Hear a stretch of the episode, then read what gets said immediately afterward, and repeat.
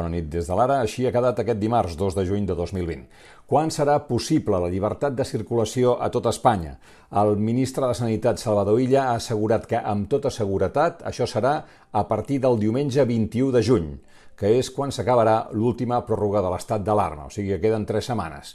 Eh, S'haurà acabat, Espanya entrarà en la nova normalitat i això també afectarà Barcelona, Madrid i Lleida, que són les zones que van més tard en el procés de desescalada. También corresponderà presidente de la comunidad autónoma proponer el pase, eh, el progreso a la nueva normalidad, que es a partir del momento en que se puede eh, eh, dar una movilidad entre distintas comunidades autónomas, en, en el momento de nueva normalidad.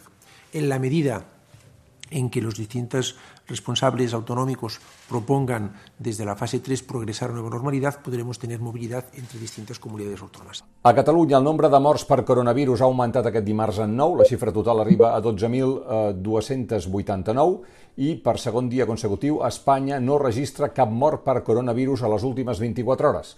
El doctor Fernando Simón ha dit que el control de l'epidèmia és a prop, però ha insistit hem d'anar molt en compte a mesura que evoluciona la desescalada. Més xifres, i no gaire bones. Catalunya va registrar al maig 15.339 aturats més que el mes anterior. Així, l'atur s'ha eh, incrementat un 3,28 respecte a l'abril i un 30% respecte al mes de maig de l'any passat.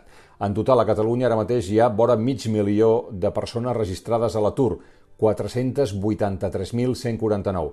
L'increment és menor que en els dos mesos precedents, quan va començar l'estat d'alarma, però amb les dades publicades aquest dimarts, Catalunya lidera l'increment de l'atur a Espanya. Per això hem de considerar una bona notícia que el president Torra i el vicepresident Aragonès hagin presentat un grup de treball sobre com ha de ser la Catalunya del 2022. Es tracta d'un equip format per 15 dones i 15 homes liderat per Victòria Alzina i Genís Roca que proposaran un seguit de mesures per dibuixar el país per després de la crisi del coronavirus. Hi ha noms com Joan Avellà, Jordi Amat, Oriol Amat, Tatxó Benet, Mercè Crozes, José Antonio Donaire, Pep Martorell, Pep Sales, Jordi Celles, Lluís Torner o Maria Cisternes. Presentaran les conclusions al febrer de l'any que ve després d'una discussió extensa que pretén incloure fins a 400 experts de diferents disciplines. Avui hem tornat a veure i sentir el president d'Esquerra Republicana, Oriol Junqueras, ha fet de professor en una aula virtual de la Universitat de Manresa on havia d'anar a donar classe just quan va esclatar la pandèmia. L'única justícia possible, l'única justícia veritable és aquella que neix del pacte dels representants de la comunitat, d'una assemblea d'homes, en aquell cas, perquè estem a la Grècia de fa 2.500 anys, d'humans, de persones lliures. Canvi de discurs al Ministeri de l'Interior sobre la destitució del coronel Diego Pérez de los Cobos. El ministre Fernando Grande Marlasca deia la setmana passada que els moviments a la cúpula de la Guàrdia Civil responien a una remodelació de l'estructura per raons de confiança però el Confidencial ha publicat una nota secreta anterior que ha obligat al Ministeri a rectificar. En el document s'hi pot veure com la directora general de la Guàrdia Civil, Maria Gámez, comunica al secretari d'Estat de Seguretat, Rafael Pérez, que cessa de los Cobos per pèrdua de confiança per no haver informat del desenvolupament d'investigacions i actuacions de la Guàrdia Civil en el marc operatiu i de la policia judicial amb finalitats de coneixement. O sigui, han hagut de reconèixer que el van cessar perquè no va eh, informar del, eh, de les eh, diligències que havien obert per la manifestació del 8 de març.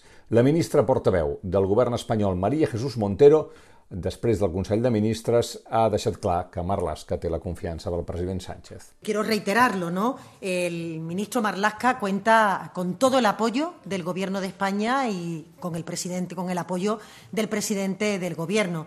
Y creo que no hace falta transmitir, pero por si acaso quiero resaltarlo, el ministro del Interior es una persona de un reconocido prestigio eh, profesional eh, que ha sido impecable en, en toda su trayectoria personal i professional a lo largo de su carrera judicial.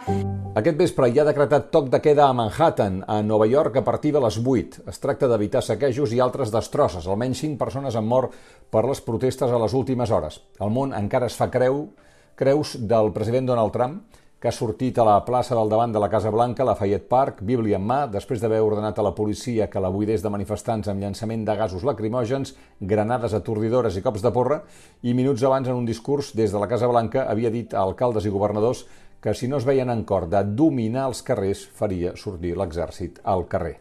Dues eh, notícies de Catalunya. El cap d'estudis de l'Institut Alexandre de Riquer de Calaf, MB-A, ha entrat a la presó per abusos sexuals a menors. Segons han explicat els Mossos d'Esquadra a l'Ara, van detenir el professor a mitjans de maig per una denúncia de la seva pròpia família. El Departament d'Educació confirma que els fets van passar fora del centre. I l'home que dissabte va matar la parella al seu domicili d'Esplugues de Llobregat és a la presó. Va ser arrestat unes hores després del crim a Badalona. S'ha declarat, eh, s'ha acollit el dret de no declarar i el jutge ha decidit la presó provisional comunicada i sense fiança. I acabem amb el temps. Demà continuaran els ruixats, Miquel Bernis?